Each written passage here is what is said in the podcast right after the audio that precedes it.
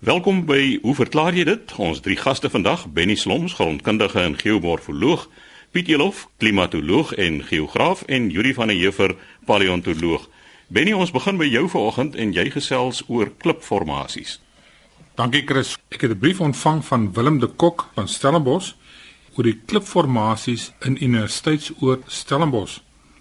Nou uh, sy vrou het 'n stuk grond geërf hierso in die Weides en toe hulle nou daar ontwikkel, ek neem aan fondasiesgrawe, toe hulle vragte vol klippe moes uitry daar waar hulle besig is om te bou. Nou hy wonder of dit nie 'n ou rivierloop is nie.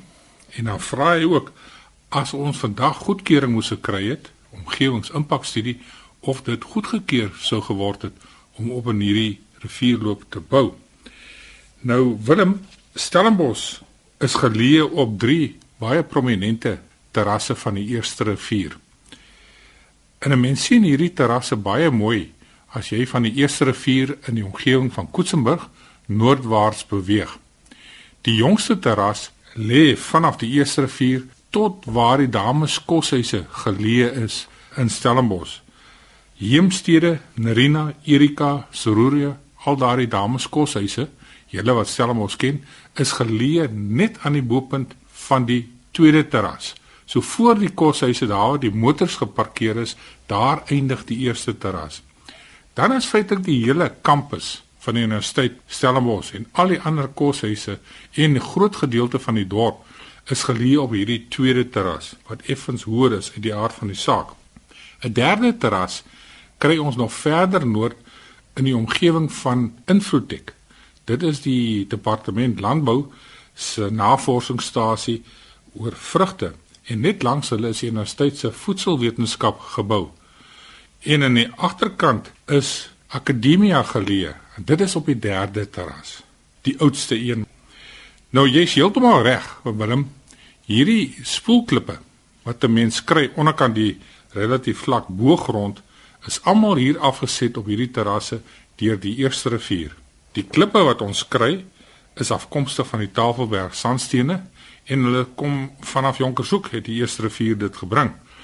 En vroeër jare het die eerste rivier op daardie derde terras gevloei, dit was sy hoogte.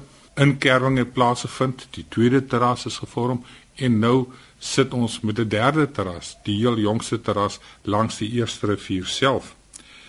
'n Kenmerk van hierdie klippe hierso in sentrale dorp en die universiteitsgeboue is dat hulle is goed gerond. Hulle is mooi gerond. En ons wat hier woon weet dat die munisipaliteit het 'n voorliefde vir slote grawe en dan sien 'n mens hierdie klippe pragtig uitkom. Hierdie geronde spoelklippe en hulle is nogal groot. Hulle is so 25 tot 40 cm in deursnee. Ek onthou nog destyds toe hulle die biblioteek, die Kosie Gericke biblioteek gebou het wat ondergronds is vandag, daar was 'n reuse gat gewees en daar kom ons baie duidelik sien die dikte van hierdie kliplaag op die tweede terras en dit het gelê op verweerde Mamasbury skalies. Saam met hierdie brief van jou het jy drie fotos gestuur oor van die klippe wat daar uitkom op die erf. En hierdie klippe het almal so geel, rooi-bruin laagie aan die buitekant. Nou wil Willem weet, wat is hierdie laagie aan die buitekant? En mens sien ook die verskynsel van afskilfering wat plaasvind van hierdie dun laagie rondom hierdie klippe. Nou Willem, ek vermoed dat daardie klippe wat jy afgeneem het daar en vir my die foto's gestuur het, is van die ou sitterras. Want daardie laagie buiteom is yster en hierdie yster is afkomstig vanaf die binnekant van die klip en deur die proses van herhaalde benatting en uitdroging migreer water van binne die klip na buite. So van die sandstene wat 'n bietjie yster bevat, die yster word opgelos deur benatting. Yster word gereduseer tot ferro en dit is oplosbaar in water. Daardie yster beweeg na die oppervlak van die klip. Die water verdamp daar, kom in aanraking met suurstof en daardie yster word geoksideer en die yster slaan neer as 'n ferrioksied. So jy sit nou met 'n klip wat aan die binnekant skoon silikaoksied is, is wit sandmateriaal en hierdie klip is ook redelik poreus, relatief poreus en water kan beweeg in en uit. En aan die oppervlak sit jy met 'n ysterryke laagie. So met verhitting en afkoeling kry jy diferensiële uitsetting en inkrimping van hierdie rolstene met die yster buiteom en dit veroorsaak dat die buitenste laagie afskilfer of afbreek en dan kry mens hierdie patroon soos 'n mens kan sien in die foto's wat jy vir my gestuur het. Jou laaste vraag wat jy vra is sou 'n omgewingsimpakstudie suksesvol gewees het indien dit nou grond was wat nog nooit bebou was nie. As mense vandag sou wou bou op hierdie terrasse.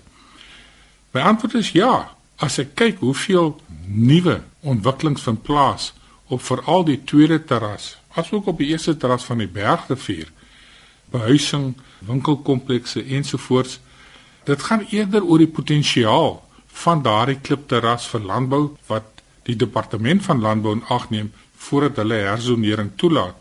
So die feit dat dit 'n rivierterras is, beteken nog nie jy's binnekant die vloedlyn nie. Onthou ons is hier op die tweede en derde terras, relatief hoog bokant die rivier. En in Stellenbosch is daar in elk geval baie voorbeelde van waar daar op die eerste terras van die eerste rivier gebou is en waar die mense nie die vloedlyne in ag geneem het nie. So ja, die omgewingsimpakstudie sou nie ontwikkeling op hierdie terrasse gekeer het nie. In elk geval is die meeste van die geboue op hierdie terras gedoen lank voordat omgewingsimpakstudies nodig was vir ontwikkeling. Jy het dit baie mooi verduidelik Benny. En die eerste rivier is wel nie 'n groot rivier nie, maar dit is so 'n interessante ding want die hele vloedvlakte waarop Stellenbosch gebou is en waarop landbou en die goed beoefen word, is eintlik deur die eerste rivier gekerf. En mens sien baie mooi as jy nou kyk na ligfoto's van die Mississippi en van die die riviere in die Heilige Land, die Tigris en die Efraat. Die natuurlike aksie van water wanneer dit stadig, relatief stadig oor 'n vlakte vloei en dit is om te begin draaie maak, sulke sinuskurwes. En omdat jy dan daai draaie kry, soos jy self weet, is daar aan die een kant 'n uitkerwing van die landsoppervlak en aan die ander kant aan die binnekant van die draai waar die water nou stadiger loop, daar sit hy sand neer. En so is hierdie hele vloedvlakte gebou deur die heen en weer beweging van die eerste rivier. En soos jy nou reg sê dat uh, mens eintlik maar daar kan bou, die munisipaliteit het eintlik verder gegaan want op sekere plekke in die dorp is daai snywal met hierdie rivierklippe kunsmatig onder beheer want hulle bou 'n muur met die spoelklippe en die rivier kan nie verder na links of regs beweeg nie. Mense sien dit veral wanneer daar duur huise op die, op die walle van die rivier gebou is. So die eerste rivier is in elk geval nou sy gang is vasgelê. Solank daar mense is, gaan hy nie weer kan doen wat hy in die verlede gedoen het nie. En omdat daar nou so baie boerderybedrywighede is, word daar soveel water uit die rivier uit getrek. Hy is maar 'n skaduwee van sy vorige self. Die grootste impak hierdie op die volume water wat deur die Eerste rivier afkom, is die wegneem van die water in die boorlope en die terugvat van die water na die Teewatersloofdam gedurende die wintermaande. Maar ek onthou baie goed dat tydens baie hoë reënval insidente dat die Eerste rivier wel uitklim en wel naby die laagwaterbrug. Dit klim uit en dan hardloop die water deur Karendal. So as 'n mens baie strawwe storm sou kry, 100 mm plus, dan kan dit nog steeds gebeur dat hy uitklim. Maar hy word, jy's heeltemal reg, hy word beheer deur onttrekking, maar vir my is die grootste een vanaf Klein Plaasie dam terug na die Teewaterskloof. Benny, twee goed as 'n mens uitry in die rigting van Kayamandi na Koelenhof toe daar naby die baie bekende musiekwinkel is 'n erf waar hulle nou al jare gelede uitgrawings gedoen het vir een of ander gebou, maar daar gebeur niks verder nie, maar dit is net klippe wat jy daar sien. Heeltemal reg, Chris.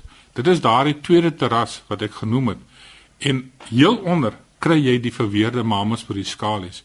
Nou daardie gat wat daar lê, daardie persoon wou daar ontwikkel. Dit was heel moontlik parkeergarages geweest wat hy in die onderkant wou bou. 'n groot oop gat in die middel van Stellenbosch. Dit is eintlik 'n skande. Dan die tweede kwessie Benny, as 'n mens nou uitry Koelenhof se kant toe en jy draai nou daar links af op die Bottelarypad, is daar 'n redelike nuwe woonbuurt Devonville. Nou elke keer as ek daar verbyry en ek sien die aangrensende wingerde daar, dan wonder ek is daar 'n omgewingsimpakstudie daar gedoen om op klaarblyklik vrugbare landbougrond 'n woonbuurt op te rig. Ek het nie so 'n impakstudie daar gedoen nie en ek doen gewoonlik die meeste grondwerk vir sulke herzonering. Maar een ding wat 'n mens moet besef, as 'n mens daardie bottelery pad ry, hierdie ontwikkeling is toevallig op 'n noordfrontende hang. Die gronde is glad nie so vrugbaar daar soos jy dink nie, Chris. Dit is hoofsaaklik duplex gronde in die meeste gevalle met eintlik relatief lae potensiaal. Of daar by daardie golfbaan, want dit is wat dit is, 'n golfbaan, 'n omgewingsimpakstudie gedoen is, weet ek nie. Nie na my wete nie. En so gesels Benny Sloms, ons grondkundige en geomorfoloog, Piet Elof, ons klimatoloog en geograaf, volgende aan die woord. En Piet, jy het 'n vraag ontvang oor temperatuurmeting. Ja, Chris, ek het eh, 'n uh, brief ontvang van ek vermoed dis meneer R.A. Homan. Kan dalk 'n dame ook wees van Swellendam. En hy of sy skryf soos volg: Sy gedurende die wintermaande, veral in Julie, word die verwagte dag en nagtemperature landwyd op die radio uitgesaai as soveel grade Celsius. En ons kry baie binnelandse temperature van -11 grade en bedags plus 15 grade. Dis verwarrend sê hy, want ons moet onthou dat die temperatuur verskil dan 26 grade. En hy vra hy of sy vra dan sou dit nie beter gewees het om die temperature aan te gee as soveel grade Kelvin wanneer hulle almal dieselfde skaal het. Die Kelvin temperatuurskaal is tog 'n standaard eenheid.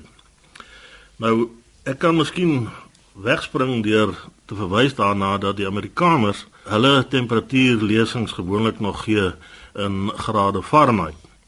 Nou hierdie skaal loop dan van 32 grade Fahrenheit wat die smeltpunt van ys is en 212 grade Fahrenheit wat weer eens die kookpunt van water is en ons kan net nou miskien 'n bietjie meer sê oor die kookpunt van water en watter faktore al daar 'n rol speel. Maar die res van die wêreld of saaklik die res van die wêreld gebruik die Celsius skaal waarin ons smeltpunt 0 grade Celsius is en kookpunt dan soos ons weet 100 grade Celsius is. Terloops ek lees dat die Amerikaners dit ook oorweeg om maar oor te skakel na die Celsius skaal een of ander tyd. Die Kelvin skaal waarna hy verwys is iets wat anders. Smeltpunt se waarde op die Kelvin skaal is 273 en die kookpuntwaarde is 373. Met ander woorde ook 'n verskil van 100, soos wat dit maar die geval is by ons Celsius skaal.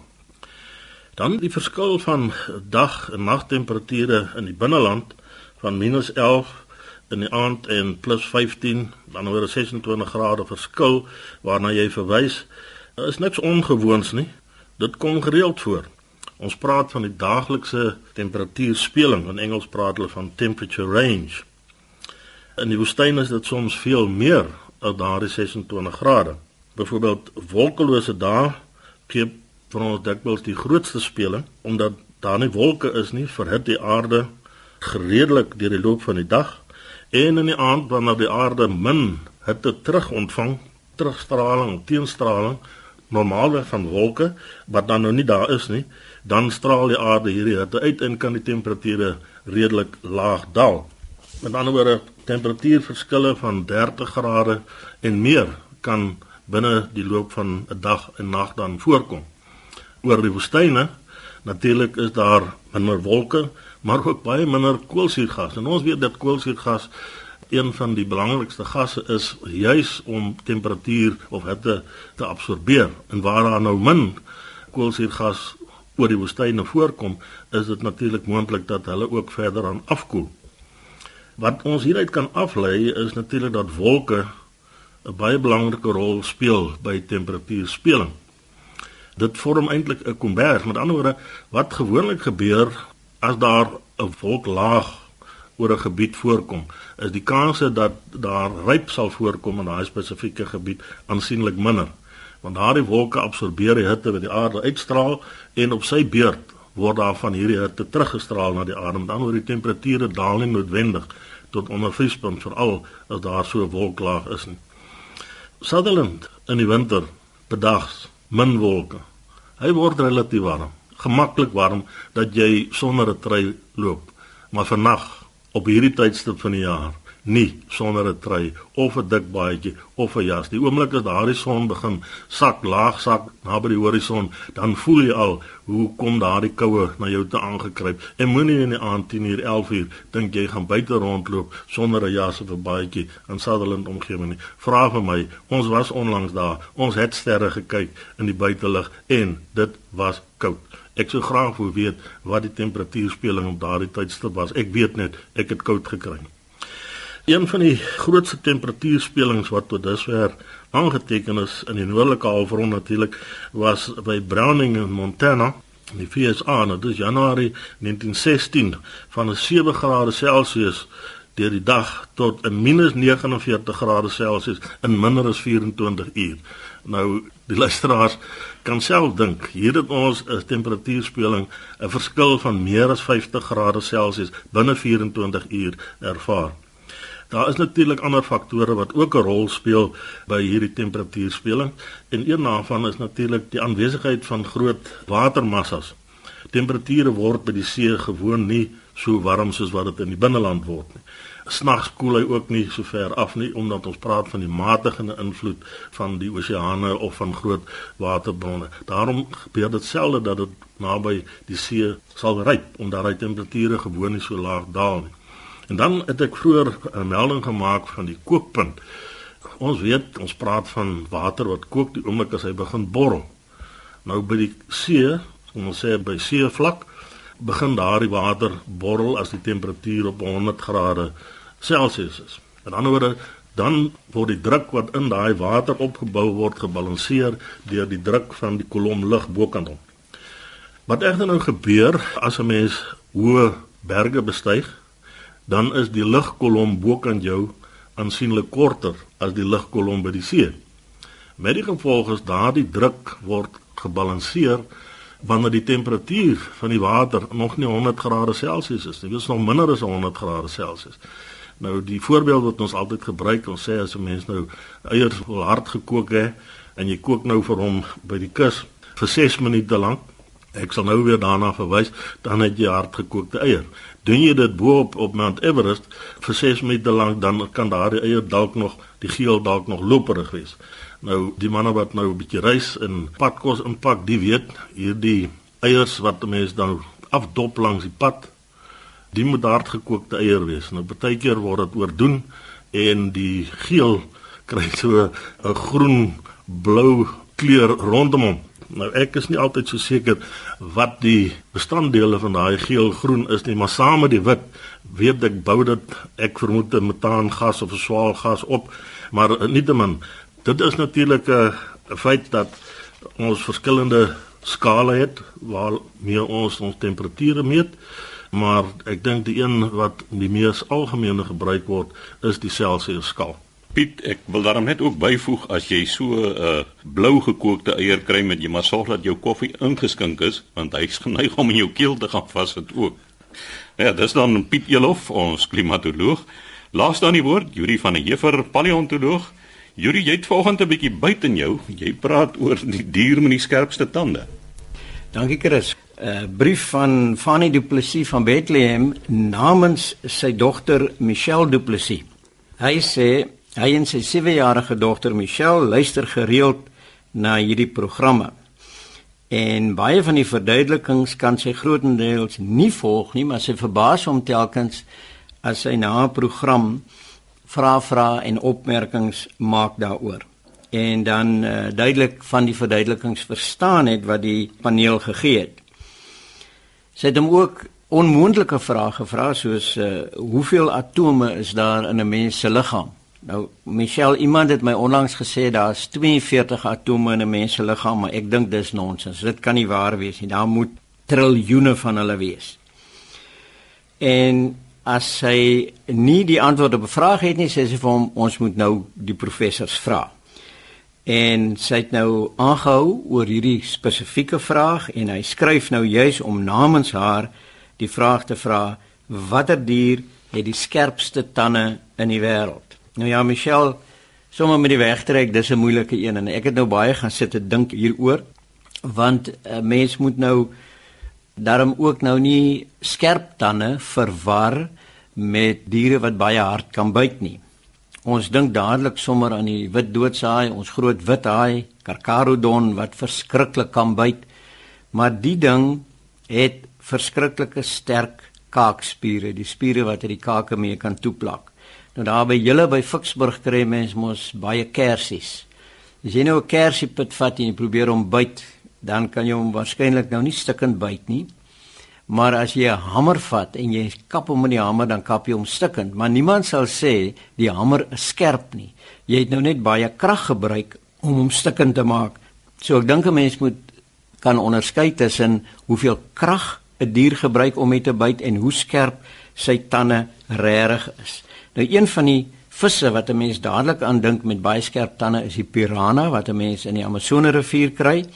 Maar hulle het natuurlik ook baie sterk kaakspiere en hulle hap en skeur stukke vleis af.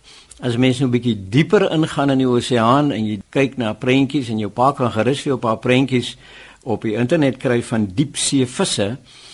Hierdie visse lewe in 'n totale donker omgewing. So donker dat baie van hulle selfs selletjies het wat hulle mee 'n liggie kan aanskakel sodat hulle in die donker gloei en 'n bietjie kan sien wat aangaan.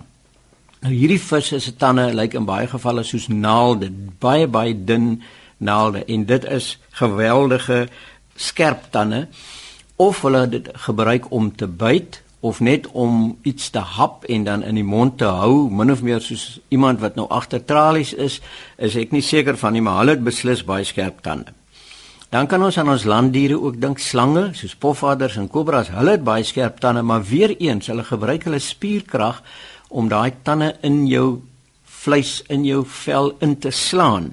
So dit is wel skerp tande, maar hulle gebruik nog krag om mee te byt. Nou as 'n mens bietjie weier as dit wil dink, kan jy dink aan die Amerikaanse bewers, daai wollerige soogdiertjies met die groot plat sterte wat in rivierlopies damme bou van takke en ander struike. Hulle gaan sit op die wal van die riviertjie en dan kou hulle 'n boomstammetjie af. En hulle voortande is besonder skerp om hierdie knaag aksie uit te voer, maar dis nie skerp soos met 'n punt nie, dis meer skerp soos 'n bytel. Die dier wat ek dink wat die skerpste tande in die wêreld het, is die vampiervleermuis van Suid-Amerika. Hulle kom voor van Mexiko af af tot in uh, Argentinië. Dis 'n baie klein vleermuisie. Jy kan hom op jou hand hou vas. Nie dat jy sou wou nie, maar hierdie vleermuisies is baie eienaardig. Hulle is anderser as meeste ander vleermuise en die mense beskryf hulle as hematofaag. Nou dis nou 'n groot woord. Hemato beteken bloed en faag beteken om te eet. So die vleermuisies, nie soos ons vrugtevleermuise of die soort goed nie, hulle lewe van bloed. Hulle drink bloed en daarom staan hulle bekend as die vampiervleermuise. Nou ons ken daai woord wat vaag aan dit nogal baie. Konyne is mos diere wat hulle eie mis baie keer eet want daar is nog baie voedselstowwe in en dan noem ons hulle koprofaag. Kopros is die Griekse woord vir mis en faag om te eet. So koprofaag is misetend, hematofaag is bloed etend en as jy nou in graad 5 kom, dan gaan jou onderwyser jou leer van ou Egipte en wat die mense alles daar gedoen het en hoe hulle gelewe het en een van die woorde wat dan gaan inkom in jou skoollesse is die woord sarkofaag. Nou sarkofaag is 'n klip doodskus waarin hulle mense gebeere het, waar die lijk ingesit het. En die woord sarkofaag beteken vleis eet. Sarko beteken spier en vaag weer om te eet en wat die Egiptenare gesien het, is die mense nou in die sarkofaag ingesit is, dan word die vleis verteer. Dit word sleg en die vleis verdwyn en hulle het gedink dis die klip wat die vleis eet. So word hierdie klip doodskus nou 'n sarkofaag genoem. Nou die vampiervleermuis is soos ek sê hematofaag en hulle is baie anderser as ander vleermuise. Hulle kan op vier pote loop want hulle vlerke is sterk genoeg om te kan loop wat ander vleermuise nie kan doen nie. Maar eintlik is dit ook nie om te loop nie, dis meer om te spring soos 'n hassie. So hulle kan op die grond gaan sit en dan spring hulle so nader na die dier toe waarvan hulle nou die bloed wil drink. En hoe hulle daar uitkom is ook baie interessant want hulle het sulke spitsneusies, nie soos ander vleermuise nie. En in die neusie sit daar 'n termometer. Nou dis nou nie so 'n termometer wat jy jou temperatuur mee meet nie, dis selletjies wat die hitte van die ander dier kan waarneem. En daarom leef hulle net van die bloed van soogdiere wat warmbloedig is. So die warmte van die soogdier trek hulle aan en dan kom sit hulle dikwels so by die agterpoot van sê byvoorbeeld 'n bees en dan gebruik hy 'n termometertjie om te kyk waar is die warmste kol op die hakskeen van die bees? Waar is die bloed die naaste aan die vel? En dan as hy dit gedoen het, dan gebruik hy sy slagtande om die hare af te skeer. Nou jy moet erken dat as jy 'n tand het wat skerp genoeg is om hare te skeer soos 'n skeermeslemmetjie, dis 'n skerp tand. Dan skeer hy die hare af en dan gebruik hy sy voorste tande om dan 'n klein snytjie in die bees se vel te maak. Hy doen dit so dat die bees dit nie voel nie. Met ander woorde, daai tandjies is ongelooflik skerp. En wat hy dan doen is, hy drink nie die bloed nie, die bloed loop uit die wondjie uit en dan lek die vleermuis die bloed op en in sy speeksel is daar 'n stof wat keer dat die bloed stol. So dan sit hy nou daar in die totale donkerte. Hy het net met sy termometertjie daar aangekom en nou lek hy die bloed op. En dis ongelooflik want 'n wyfie vleermuisie weeg maar omtrent 40 gram, baie baie lig. En binne 20 minute eet sy 20 gram, dis die helfte van haar liggaamsgewig bloed. Die maag is so dat die vloeibare gedeelte van die bloed wat ons die plasma noem, die word dadelik geabsorbeer in die bloed en dit gaan na die niere toe en dan piepie sy dit uit soos hy raak ontslaaf van die vloeibare gedeelte van die bloed en dan daai vaste stowwe in die bloed dehou sy. So na so 20 minute dan sy nou so 20 of 30% van haar liggaamsgewig geëet en dan vlieg sy terug nes toe.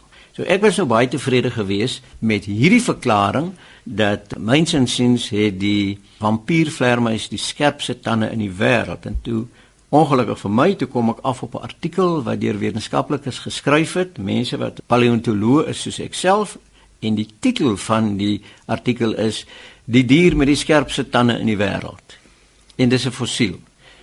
En dis 'n baie eienaardige fossiel, dis 'n oeroue palingagtige visagtige dingetjie wat omtrent 3-400 miljoen jaar gelede bestaan het en hy's so oud en so primitief hy het nie kake nie. Nou as jy nou so dan luister na die program so met jou ken op jou hand, dan voel jy mos jou kakebeen waar in jou tande sit. Nou hierdie diere het nie 'n kakebeen gehad, nie bo of 'n onderkakebeen gehad nie, maar hulle het wel baie baie fyn tandjies gehad, so sandkorrels wat ongelooflik skerp gewees het. En die tandjies het op mekaar gesluit en party het gebreek omdat hy so dun is en die diertjies kon weer die tande laat uitgroei soos hulle afbreek laat hulle weer uitgroei. En volgens die mikroskopiese analise die mikroskope wat gebruik is om hierdie fossiele te bestudeer sê die wetenskaplikes hierdie diertjies het die skerpste tande in die wêreld gehad. Nou hulle het 'n snaakse naam. Hulle is nie algemeen bekend sodat hulle sommer 'n gewone naam het soos die woerwoervisie of so iets nie Hulle staan bekend volgens hulle wetenskaplike naam, dit is die Conodontia en ons praat gewoonlik in Afrikaans van hulle as die Conodonte. Klein oerpalingagtige, kaaklose, visagtige diertjies en hulle het blykbaar die skerpste tande in die wêreld gehad. So sê Yuri van der Heever, ons paleontoloog, die tyd het ons ingehaal. Jy is welkom om te skryf aan hoe verklaar jy dit? Posbus 2551 Kaapstad 8000 of stuur 'n e-pos aan chris@rsg.co.za